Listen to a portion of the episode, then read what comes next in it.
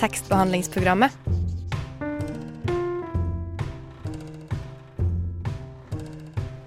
Tekstbehandling på radio.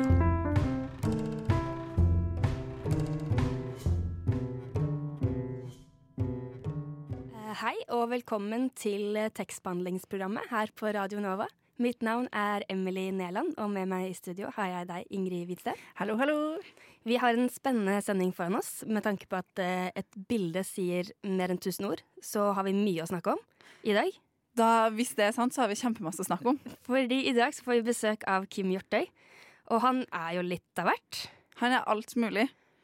En eh, riktig alt mulig mann. Så mye han har gjort. Han er jo multikunstner. Ja, jeg så jo på Wikipedia-siden, så står han her han har filmografi, bibliografi og diskografi. Diskografi, og det er det ikke mange som har. Og så syns jeg han virker som en sånn irriterende type som gjør alt mulig, men som gjør alt bra. Han får det til. Han får det til. Så det er jeg litt spent på å snakke med ham om. Det blir veldig spennende. Men før han kommer, så lurte jeg på om du hadde en anbefaling, Ingrid? Og det har jeg. Og jeg har Jeg har med meg to anbefalinger, og det er på en måte litt for å helgardere meg, fordi den første anbefalinga mi er kanskje litt sånn banal. okay. men det er en ekte anbefaling, og det er lydbok. Anbefalingen er lydbok. Anbefalinga er lydbok, fordi jeg har vært litt sånn herre som med tekstbehandlingsprogram så føles det sånn, ja, det er jo på en måte noe eget med å liksom bla i boka og lese i boka. Så jeg har vært litt sånn åh, Vet ikke om jeg gidder å ha de der lydbokappene og sånn. Så jeg anbefaler ikke en spesifikk lydbokapp, for jeg syns egentlig at det er ingen lydbokapper som er så bra. Men jeg anbefaler å høre litt på lydbok. Ja. Generelt. Det kan jo være en fin anbefaling. Hører du på lydbok? Jeg hører veldig litt på lydbok. Eh, Jeg tror jeg snakket tidligere på programmet om at jeg har litt imot lydbøker. Men jeg vet ikke helt hva jeg tenker om det. Ja, Men- og det har jeg, jeg også hatt. Men så har jeg hørt litt på lydbok. Så har vært sånn fordi i noen situasjoner så vil man lese, så kan man ikke lese. Du kan ikke lese mens du eh, Kjører bil. kjører bil. Du kan ikke lese mens du snakker. Og da kan det være litt fint å lese lydbok, og særlig hvis det er bøker som du tenker at denne boka kommer jeg aldri til å gidde å lese. Ja. Som er kanskje litt sånn lange klassikere og sånn. Som er sånn, jeg har litt lyst til å få med meg denne boka, men jeg vet ikke helt om jeg jeg kommer, jeg kommer ikke til å lese den. Da kan man høre den, og det er der man bør bruke lydboka. Når det er sagt, så er jeg litt imot når folk sier sånn eh, 'Den boka har jeg lest'. Du må si 'Den boka har jeg hørt'. Så det er mitt første, mitt, min første anbefaling. Jeg har eh, to lidenskaper her i livet. God litteratur og analsex. Tekstbehandlingsprogrammet gir deg alt du vil ha, og litt til. Yes, du hører på tekstbehandlingsprogrammet, og med oss i studio nå har vi deg, Kim Hjortøy. Velkommen. Takk. Takk. Du har jo Den siste boken du kom med, heter 'Ferdig omslag kommer snart'. Eh, Hva slags bok er dette? Det er en bok med samling av um, eh, arbeid som jeg har gjort fra 1994 til i, i fjor. Mest egentlig grafisk design og illustrasjonsarbeid. Ja, fordi du eh, er jo, som vi nevnte tidligere, du er multikunstner og har lagd veldig mange forskjellige ting. Og det her er jo eh, arbeider fra ganske lang, stor tidsperiode, eller ganske stort tidsspenn. Hvordan var det å velge ut hvilke, hva som skulle være med? Um, jeg gjorde det vel ganske bare sånn intuitivt, tror jeg. Så jeg gikk gjennom alt og tok med det som jeg syns passa i boka. Hvordan valgte du ut hva som ikke passet? Hvis ting ikke var dårlige på en bra måte, eller hvis ting føltes for eh, kjedelige, um, kanskje, så tok jeg det ikke med.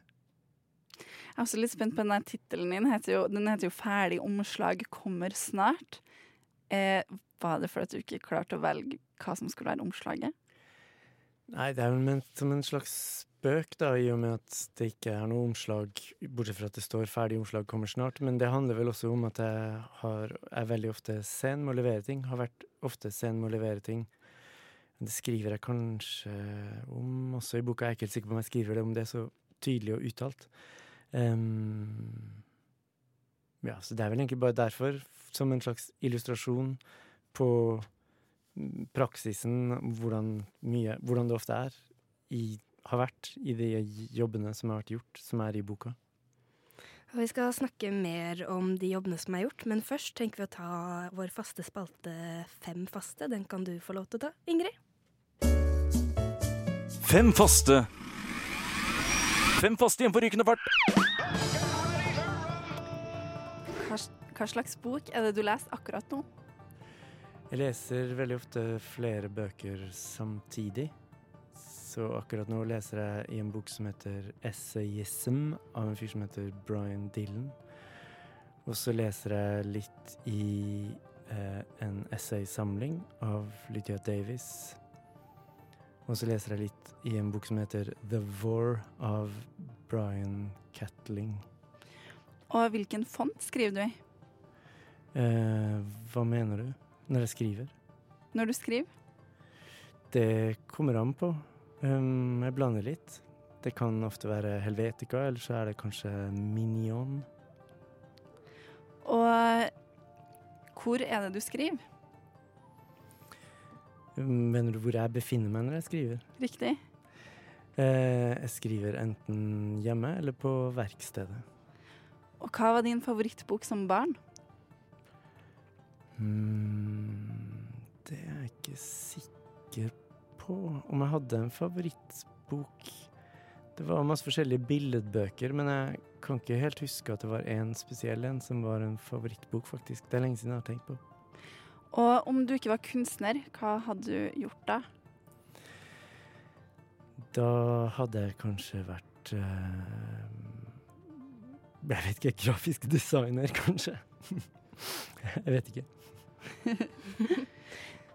Det, det er veldig fint. Eh, du sa at du leser mange bøker samtidig. Føler du at det reflekterer måten du jobber på også? At du jobber med mange ting samtidig? Mm, Eller har du kanskje ikke tenkt ikke. på det? Det har jeg heller ikke tenkt på. Jeg tror det bare er en slags utålmodighet, kanskje, eller vanskelighet for å um, hengi meg helt til noe. Men det henger kanskje sammen med det du sier. Det har jeg faktisk ikke tenkt på. Men du sa at hvis du ikke hadde vært kunstner, hadde du vært grafisk designer. Er ikke grafisk designer allerede en av titlene dine? Jeg har jobba med det, men siden du spurte hva jeg hadde vært hvis jeg ikke var kunstner, så føltes det som det mest nærliggende å si. Jeg følte liksom eh, Kan man være uh, grafisk designer og kunstner? Og kan man være kunst, grafisk designer uten å være kunstner? Ja, det syns jeg tror jeg absolutt man kan være. Jeg tenker at å være grafisk designer er en jobb, og å være kunstner er en annen jobb. Ja. Jeg syns det er ekstra spennende å spørre deg om særlig sånne her fonter, siden du jobber jo med det, det her er jo noen faste spørsmål vi stiller alle forfatterne våre. Ja. Så vi får jo veldig mye Times New Roman, eller bare vet ikke, Mm. av forfattere. Men du er litt mer bevisst på hva slags font du bruker når du skriver, eller?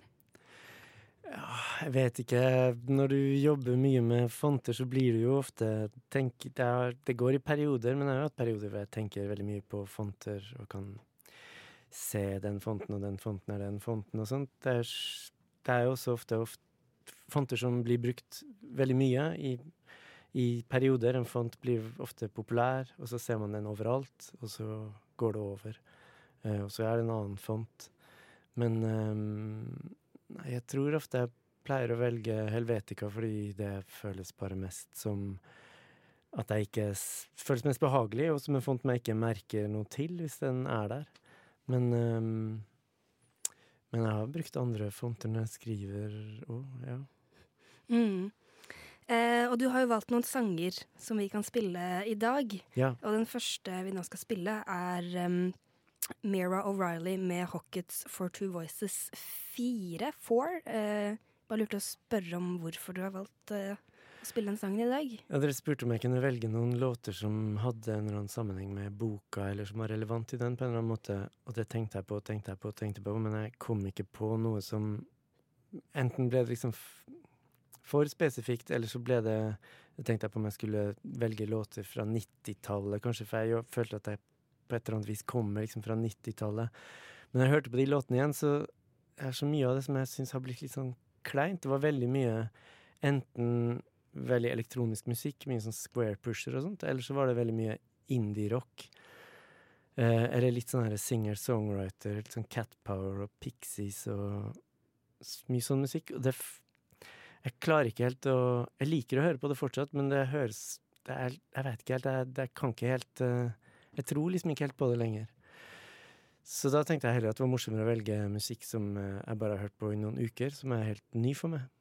Um, og jeg tror at alle de tre låtene jeg har valgt, er låter med musikk som jeg ikke helt eh, klarer å plassere. Og at det er derfor jeg syns den er eh, Det er interessant og gøy å høre på det. Hei, jeg heter Aune, og du må høre på tekstbehandlingsprogrammet. Fordi kunnskap og viten, det er det mest vidunderlige på denne jorden. Ja, du hører på tekstbehandlingsprogrammet, og med oss i studio har vi Kim Hjortøy. Eh, som er både forfatter, illustratør, musiker, filmskaper, fotograf. Ja, du er ganske mye. Eh, hva føler du at du er mest?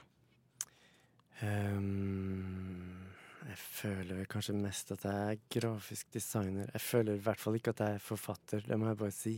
Men, eh, men jeg føler og føler og føler. Føler jo ofte at jeg ikke er noe helt egentlig ordentlig. Mm, ja. Men hva liker du best, da? Hvis du skulle ha tatt et valg der? ja, det er litt sånn der at jeg liker egentlig best å holde på med det som jeg ikke holder på med akkurat der og da. Så jeg tenker at jeg helst skulle gjort noe annet. Et, et skritt videre i hodet? Ja, eller ett skritt bak, alt etter hvordan du ser på det. Ja, for da blir det litt sånn at man på en måte ikke Eller er det sånn at du føler ikke du klarer å sette deg ned med noe? At du på en måte må ha eh, Liksom må hoppe videre? Eller at du liker å gjøre flere ting samtidig? Mm, jeg liker jo å gjøre flere som, ting samtidig, men jeg liker også veldig godt å være inne i noe og være veldig konsentrert om en ting. Men jeg syns det er umulig å ikke hele tida tenke at jeg skulle gjort noe Hvis jeg ser noe annet som noen andre gjør, som virker veldig morsomt, så tenker jeg at jeg skulle mye heller gjort det. Og begynt med det for lenge siden. Mm.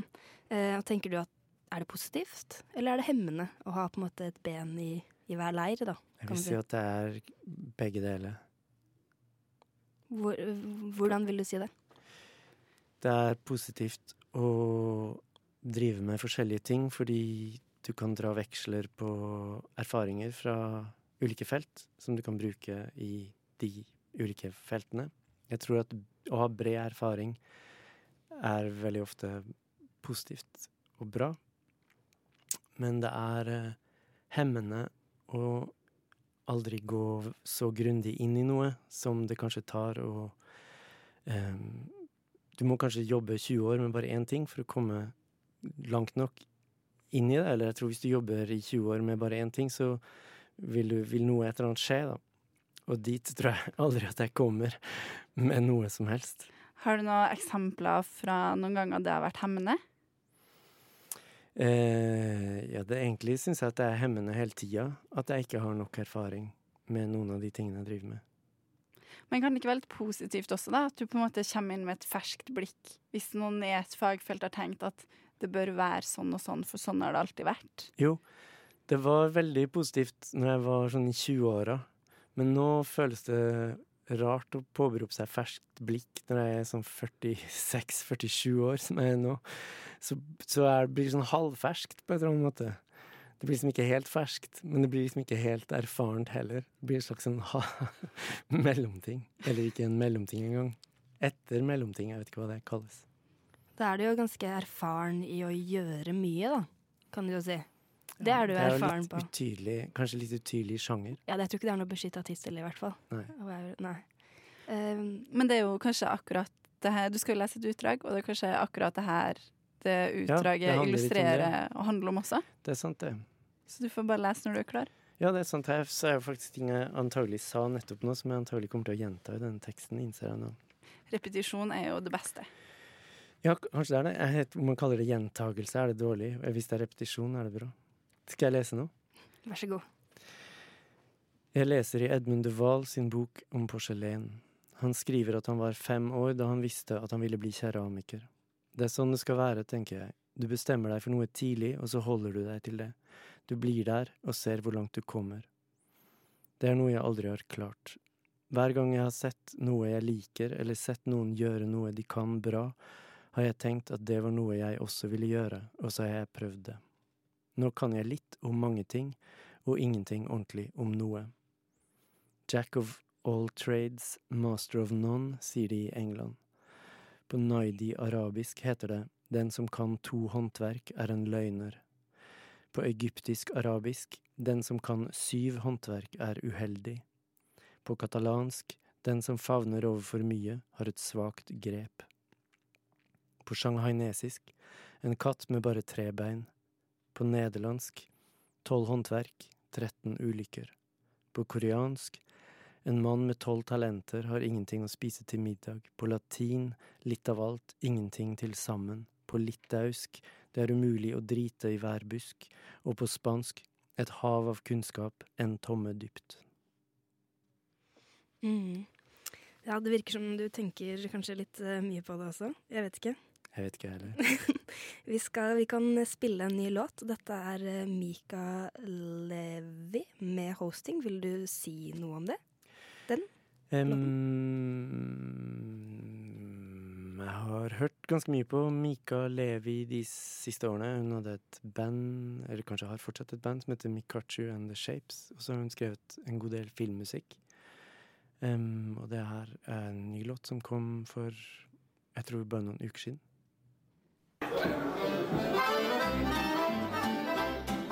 Hvis du går hjem med noen og de ikke har bøker, ikke knull dem. Hilsen tekstbehandlingsprogrammet. Yes, det er fortsatt oss i tekstbehandlingsprogrammet som har Kim Hjortøy på besøk. Eh, og tidligere så nevnte du at eh, denne boka har verk fra veldig mange tiår, eller fra 90-tallet. da. Eh, føler du at du har endret deg i stilen siden du starta? Eller ser du på en måte en endring fra verk tidlig i boka til verk du lager nå, da? Mm, ja, kanskje litt. Men jeg satte sammen boka, så tenkte jeg at jeg skulle Jeg tenkte at det var veldig pretensiøst å lage en bok med eget arbeid, så for å ta det litt ned, så prøvde jeg også å understreke hvor mye arbeid som er likt. Så eh, jeg har satt sammen boka etter eh, etter, etter hvordan arbeidene ligner på hverandre. Så alt som ligner, kommer liksom sammen. Så det er ikke kronologisk. Så på den måten tenker jeg at man kan liksom se også at jeg ikke At jeg gjentar meg selv ganske mye, og at jeg ikke har uh, utvikla meg så mye. Kanskje. Det er noen ting kanskje har blitt annerledes, men eh, det er ikke så lett for meg å si. Ja, for jeg prøvde å lete litt uh, da jeg leste boka, for å se sånn For å prøve å se akkurat om der er det noe endring. Og da var det jo veldig vanskelig å undersøke det også, når du har lagt opp uh, verkene dine sånn som du har gjort. Så ja, det gjør det litt vanskelig. Men føler du at den blir det en slags biografi? Mm. Ja, det gjør det kanskje.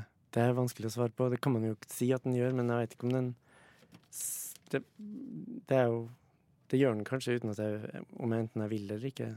Altså, jeg veit ikke. Men jeg har jo lagt den opp etter stil også, sånn at den begynner med på en måte veldig sånn farge Flate, grafiske arbeid, og så går det over i arbeid som er mer basert på typografi og tekst. Og så går det over fra arbeid som er basert på typografi og tekst, til um, collage Nei, unnskyld. Til tegning. Tegning og litt mer sånn maleri og vannfarge. Og så går det over fra det til collage. Og så går det over fra collage til foto. Arbeid som har mest foto i seg. Eh, og innafor de delene så har jeg liksom prøvd å sette sammen arbeid som ligner eller bruker samme idé. Mhm, Du har jo jobbet med veldig mange ulike folk, folk, virker det som. Så det blir jo kanskje en, på en, måte, en biografi om hvem du har jobbet med, sånn veldig konkret. Ja. Jeg vet ikke. Jo, det kan du si. Eh, er, det, er det vanskelig å velge ut hvem du skal jobbe med, eller velger du det selv? Er du kresen? Hva tenker du om det? Um, nei, jeg har gått i perioder når jeg var Når jeg starta, så sa jeg bare ja til alt. For jeg tenkte det var bra å jobbe så mye som mulig. Um, jeg har ikke sagt nei til veldig mange ting. Det har jeg ikke. Um, men jeg har prøvd å finne Det er jo morsomst å jobbe med folk hvor du får stor frihet og hvor man kanskje har litt en slags lik inngang til ting, eller er enige om Selv om det kan være bra med motstand òg, det kommer ofte bra ting ut av at noen sier 'det her funker ikke, du må gjøre det en gang til'. Hva slags ting er det du har sagt nei til da, av prosjektet? Jeg har vel sagt nei når jeg har opplevd at de som skulle ha det Folk har bedt om ting hvor de har vært veldig sikre på hva de ville ha. Og jeg tenkte at det, var ingen, at det er ingen grunn til å lage det hvis det på en måte er ferdig før man har begynt. Merker du liksom forskjell på hva slags type Fordi eh, du jobber jo med musikere, forfattere, forskjellige typer yrkesgrupper som trenger eh, noe visuelt. Er det er noe forskjell på de forskjellige typene? Mm, ja Det er jo forskjell på alle, egentlig. Men folk som skal ha noe laga, det er jo ofte innpakning til noe. Et omslag, gjerne, eller en innpakning av noe som noen har laga først. Og de er jo ofte knytta Føler sterkt som er veldig knytta til det de har laga, og vil at det skal se bra ut. Um, mens jeg kan nok ofte ha en inngang hvor jeg tenker at innpakningen Eller liksom det, den ferdige tingen kan ha godt av at innpakningen også gir litt motstand. Det jo Det er jo ikke alltid at de som har laga noe, er enig i det. Eller at man kanskje vil gi um, Ja, jeg veit ikke, det er vanskelig å snakke om. Det kan jo være, det kan være så mange ting, altså. Um, um, det kan være fint hvis et omslag på en måte prøver å lirke litt i folk, istedenfor å utbasonere veldig tydelig hva, hva det er. Og det kan jo også folk ha ulike ideer om. Men Hvis du f.eks. får en oppgave med et omslag, leser du da boka først? Føler du at du må gjøre det? Som regel gjør jeg det, og jeg tenker jo at det er viktig Jeg gjorde kanskje det mindre før, når jeg var yngre og litt mer arrogant. Kanskje jeg er arrogant fortsatt, men hvis jeg er arrogant nå, så var jeg enda mer arrogant når jeg var yngre. Mm. Samtidig så tror jeg at arbeidet som et omslag skal gjøre, skjer jo nesten alltid overfor folk som ikke vet hva innholdet er. Så på den måten kan du si at et, tittelen er kanskje det viktigste som omslaget skal funke med og jobbe med. For det er det som du ser sammen med omslaget, som regel. Eller avsender, om det er et bandnavn til plateomslag eller en forfatter til en bok. Men alle liker jo at omslaget passer seinere, når man har begynt å lese boka eller kommet inn i det også. Dømmer du boka etter omslaget sjøl? Ja, det gjør jeg nok. Den, eh, det er kanskje mange som gjør også. Det er jo morsomt at du har laget noen av omslagene selv, da, kanskje. Ja, det er det kanskje. Jeg vet ikke om jeg dømmer det. Jeg kan godt forestille meg at en bok er veldig bra, selv om den har et veldig stygt omslag. Men jeg har veldig vanskelig for å kjøpe en bok som jeg syns har et veldig stygt omslag. Og omvendt kan jeg godt kjøpe en bok som kanskje ikke er så bra, hvis omslaget er veldig fint. Mm. Visdomsord. Eh, vi, Eller, skal, eller ikke. Ikke hør 'Don't try this at home'. vi skal høre en eh, ny låt. Eh, De Leon med B3. Har du noen ord du vil si om det? Det er en veldig rar plate. Jeg hørte den bare på i en bar, tror jeg, for også noen måneder siden, eller ja, kanskje før jul. Og så bare spurte jeg de som spilte musikken om hva det var, så sa de at det var den platen. Det er alt jeg vet om den. Hallo, Chartersveien her. Jeg passer jaggu meg inn i tekstbehandlingsprogrammet også. Jeg syns at døra bør stå på gløtt. Tekstbehandlingsprogrammet holder døra oppe for alle. Lar du døra di være Yes, vi er fortsatt i gang med Kim Hjortøy eh, her i tekstbehandlingsprogrammet. Eh, og vi lurte litt på, fordi i boka så har du noen tekster, og der skriver du jo litt som om du virker litt beskjeden. Kanskje litt eh, eh, ja, beskjeden om at du ikke kan nok, eller også som du nevnte litt tidligere. Eh, og er det noe du mener om deg selv, eller er det noe du kanskje bruker for å skjerme deg for kritikk, da? Den beskjedenheten? Em, ja, det er vanskelig å si. Det er vel Det er sikkert kanskje begge deler. Jeg er ikke så Jeg kan godt eh, få kritikk, altså. Jeg tror Ja, jeg er ikke så Nei, det er vanskelig å si. Det er vanskelig for meg å eh, Jeg veit ikke egentlig om det er beskjedenhet. Jeg prøver å Jeg har veldig mye tvil om det jeg driver med, og det tror jeg på et vis er bra. Eh, fordi at jeg tenker mye om det. Men Nei, jeg mener ikke å være beskjeden. Jeg mener mer å uttrykke tvil og ambivalens, tror jeg. Um, og det kan jeg godt Syns jeg kan være et bra grunnlag for å gi meg kritikk. Ja, men det kan jo også være litt sånn hvis man er på en måte litt tvilsom eller peker på svakheter ved eget arbeid, så på en måte skjermer man seg jo litt for at andre kan gjøre det også. Ja, Man er helgarderer seg litt. Ja, men helgarderer. det skriver jeg altså litt om i boka. Men eh, er det bevisst?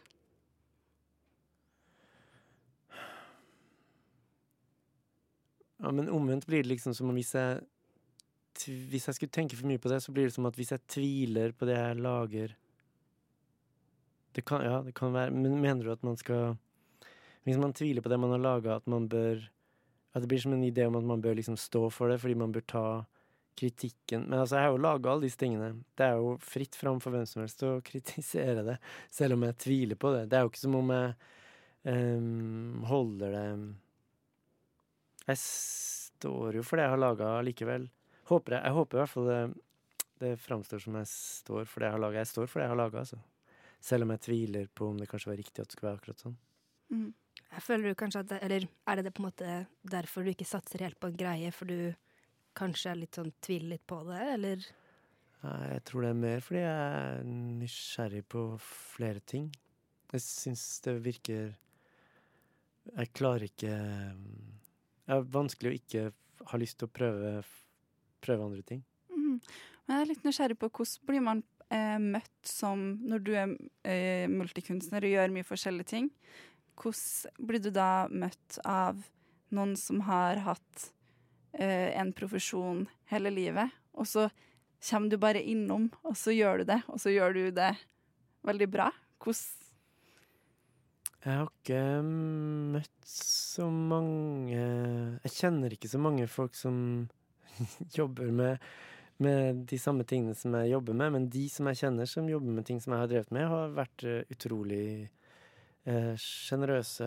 jeg kjenner jo flere grafiske designere, og de er veldig, veldig hyggelige. De uttrykker jo at, ofte at de setter pris på ting jeg har laga. Mm, jeg tror kanskje det vanskeligste var når jeg laga Jeg ga ut en plate i Det er 20 år siden nå. Nesten 20 år siden. Da tror jeg det var litt Musikere opplevde jeg vel kanskje at var At det å spille musikk må du liksom virkelig kunne ordentlig for å gi ut en plate. Men det gikk liksom over, det òg, etter hvert. Men ellers så Nei, vet, det er i hvert fall ingen som sier det så direkte til meg. Det kan jo være at folk sier det sånn ellers, men jeg tror jo også ikke at folk Jeg tror det er lett å gå rundt og tenke at folk sier ting om menn, men jeg tror folk har jo nok med seg selv. Jeg tror mer, av, mer enn noe så jo, tenker jo folk på andre ting enn meg og hva jeg driver med. Så du tror ikke de føler seg litt trua? Nei, det tror jeg ikke. Nei. Men når du er, mm, gjør så mange forskjellige ting, hvordan ser egentlig en vanlig dag ut for deg? Det Kanskje litt banalt på, spørsmål, men Nei, det kommer an på hva jeg holder på med. Veldig ofte sykler jeg til verkstedet, og så setter jeg meg og jobber. Eller står og jobber, alt ettersom. Men det kommer litt an på hva jeg skal gjøre den dagen. Jobber du med noe akkurat nå? Har du noen planer, liksom?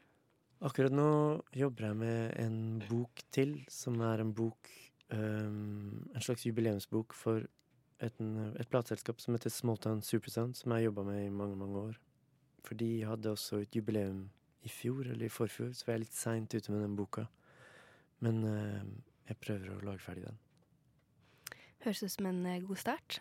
Uh, vi lurte på om du kanskje har lyst til å lese enda et lite utdrag fra ferdig omslag kommer snart? Ja, det kan jeg Mhm. gjøre. Det handler om at alt er best i starten. alt er best i starten. Rett etter at man har fått jobben, eller en dato er bestemt, eller bare idet noen spør. Da er alt fortsatt mulig, alle løsninger ligger på bordet, både de man kan forestille seg, og de man ikke kan forestille seg. Kanskje særlig de siste, elegante og uventede løsninger som er forbløffende enkle, men også komplekse og dype. Gi meg en uke, så sender jeg noe, sier jeg, og sykler hjem og setter meg ned for å gjøre helt andre ting. Og, går, og derfra går det bare nedover. Tiden blir kortere, møtene blir flere, og kompromissene legger seg oppå hverandre som gamle gymklær. Til slutt må jeg likevel levere noe. Det blir aldri helt det jeg hadde tenkt meg, og ikke det de andre hadde tenkt seg heller. Det blir noe tredje, noe litt nytt, litt gjenkjennbart og ikke så altfor skarpt. Som denne boka, holdt jeg på å si. Jeg skulle hatt mer tid. Jeg skulle hatt en bedre idé og begynt mye tidligere, vært yngre, hatt bedre utdannelse, tatt klokere valg lenge før. Jeg skulle hatt en bedre hjerne og en stødigere hånd, et klarere blikk og et hode uten frykt, fritt for ambisjoner. Jeg skulle sagt som sant var, at ingen trenger dette, og ingen vil savne det hvis vi ikke lager det. Tusen takk. Det var eh, det vi rakk av dette intervjuet. Tusen hjertelig takk for at du kom. Takk for at jeg fikk komme. Eh, Vi skal litt eh, videre i programmet. Eh, Om en drøy måned så åpner nye Deichmanske hovedbibliotek i Bjørvika. Og tekstbehandler Hanna lurer i den anledning på om det er tid for å legge ned det private biblioteket hun driver fra stua si. I bokhylla mi står det bøker. Mange bøker. Veldig mange bøker. Altså, jeg har mer enn nok til å låne bort til venner og bekjente, og jeg gjør jo egentlig gjerne det. Det er bare det at det er så innmari vanskelig å få dem tilbake. Det ender jo alltid med at jeg må mase i månedsvis, ja, som regel årevis, for å få tilbake det jeg har lånt bort. Og når sant skal sies, så begynner jeg å bli ganske lei av denne ufrivillige hobbyen jeg tydeligvis har skaffa meg, men det er likevel under en viss tvil at jeg nå vurderer en full stopp i utlån. For jeg er kjip, jeg er smålig, og jeg er den eneste. Vel, er det én plass som har svar på alt, så er det jo Kvinneguiden. Men det er faktisk ikke Kvinneguiden som dukker opp øverst når jeg googler 'vil ikke låne bort bøker'. Nei da, det er et annet forum, Doktor Online. Ja ja, jeg klikker meg videre og kommer inn på en eldgammel tråd i internettmålestokk, starta av gjestebrukeren Vita med W. Den 18. august 2003 skriver Vita med W. Jeg er så lei av at bøker blir borte. Jeg er lei av å være bibliotek for andre. Ta for eksempel min svigermor. Hun lånte noen bøker av meg. Da jeg dristet meg til å spørre noen måneder senere om hun var ferdig med Maria av Anne Karin Elstad, svarte hun at den hadde hun da lånt av sin datter og gitt den tilbake til henne. Datteren hennes er enig. Men det hadde hun ikke det så. Husker godt at hun lånte den av meg, og det er den eneste boken jeg mangler av Elstad nå. Jeg har jo lest alle. Det er jo litt frekt å si nei når noen spør, virker litt smålig, men hva gjør man da? Noen gode råd? Hvorfor har man kjøpt Maria av Elstad? Selges den så mange år etter? Og dette er ikke den eneste tråden som dukker opp fra forum doktoronline.no. Fire år etter, den 23. august 2007, skriver nemlig en bruker ved navn Vil ikke være bibliotek dette her. Hvordan ser dere på bøker? Er det bruk og kast, eller samler dere? Jeg samler, og derfor litt irriterende når folk skal låne bøker. Er det frekt å si nei til utlån av bøker? Ja, det er vel det, og jeg greier nok ikke å si nei heller. Det virker gnient og smålig. Men det er så mange bøker som forsvinner på den måten. Nå er det svigermor som har lånt. Sist hun lånte en bok, tok det også flere måneder, og da jeg til slutt dristet meg til å spørre, sa hun at han hadde lånt den av datteren sin og levert den til henne. Dette var Anne Karin Elstad, og det er viktig for meg å ha alle bøkene hennes. Jeg kjøpte en ny. Det mangler ikke på svar til Anne Karin Elstad sin største fan, verken i 2003 eller i 2007. Det er mange som kjenner seg igjen, og som har gode råd å komme med. Snøhvit, eksempel, sier at eh, 'jeg vil bare si nei, det, dine bøker bestemmer vel du over'. Mens Stjernemor foreslår å henvise til offentlig biblioteket. Og noe av det som går rett, er jo tipset om å skrive navnet sitt i bøkene sine. Jo, ja, for så vidt lurt det, men det forutsetter jo at boka ikke blir rota bort. For som morsan skriver, det hjelper ikke om det står navn i dem heller, hvis bøkene bare står i bokhylla og ikke åpnes. Blunke smilefjes. Kanskje du burde ha bokbind på bøkene før du låner dem ut, og klistre en lapp på ryggen der det står 'Denne boka tilhører Rex'. Blunke smilefjes. Hm, ikke dumt. Og mange mener òg at det kan være lurt å skrive ei liste over hvem som har lånt hva, men her gjelder det å trå varsomt. Soleil påpeker at hvis du gjør dette mens låneren ser på, er det litt kjipt, kanskje? En annen bruker mener at et tips kan være å gi bort bøker i gave. Ja, mm. Mener du mine bøker, da, eller? Hele poenget her er jo å få bøkene tilbake. Og er ikke interessert i å høre fra slike perfekte folk som dere som skriver Ei bok som jeg har lest, har nesten ingen verdi for meg lenger. Da låner jeg den bort til venninner og familie. Det er så fint når vi kan diskutere bøkene etter at de har lest dem. Dette fører til at jeg ikke alltid får igjen bøkene, men det gjør ingenting. Da slipper de å samle støv hos meg, og jeg har plass til nye bøker. Og det her Jeg elsker å gi bort bøker! Det finnes ikke noe bedre enn å spre gode historier og kunne diskutere interessante bøker med venner og familie. Ofte insisterer jeg på å ikke få tilbake bøkene, og ber de heller gi de videre til noen andre som kanskje vil like de. Men det er meg, smilefjes. Du får vel bare presisere hvor viktig det er for deg å få det igjen, da. Skriv navnet inn i boka slikt. Prikk, prikk, prikk. Ja, vet du meg hva Glimtipper og Flowy ja, Hva slags navn er det uansett? Det skal jeg gjøre, for jeg er glad i bøkene mine, tenk. Bøkene mine er vennene mine, og jeg liker å omgi meg med dem. Og jeg har ikke tenkt å gi bort vennene mine. Men den Anna Karenina-boka jeg har i bokhylla, er ikke den egentlig mamma sin, når jeg tenker om?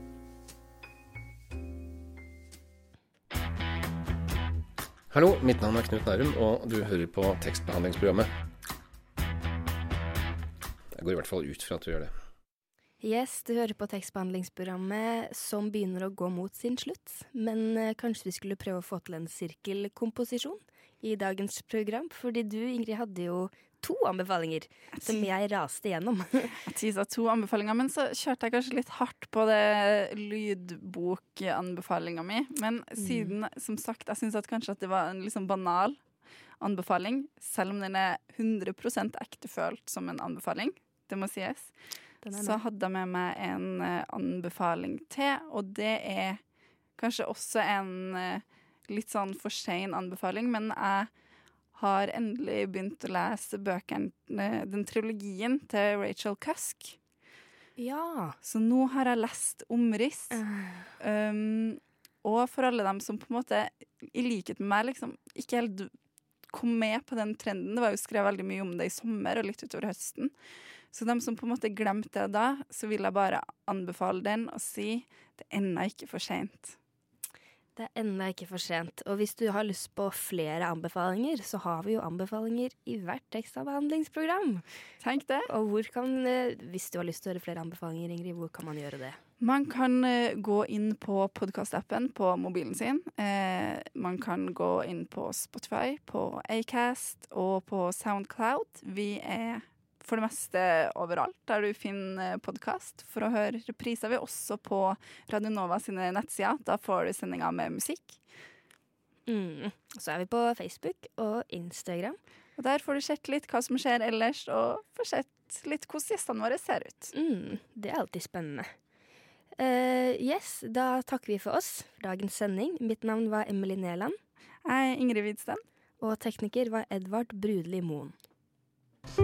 Tekstbehandlingsprogrammet.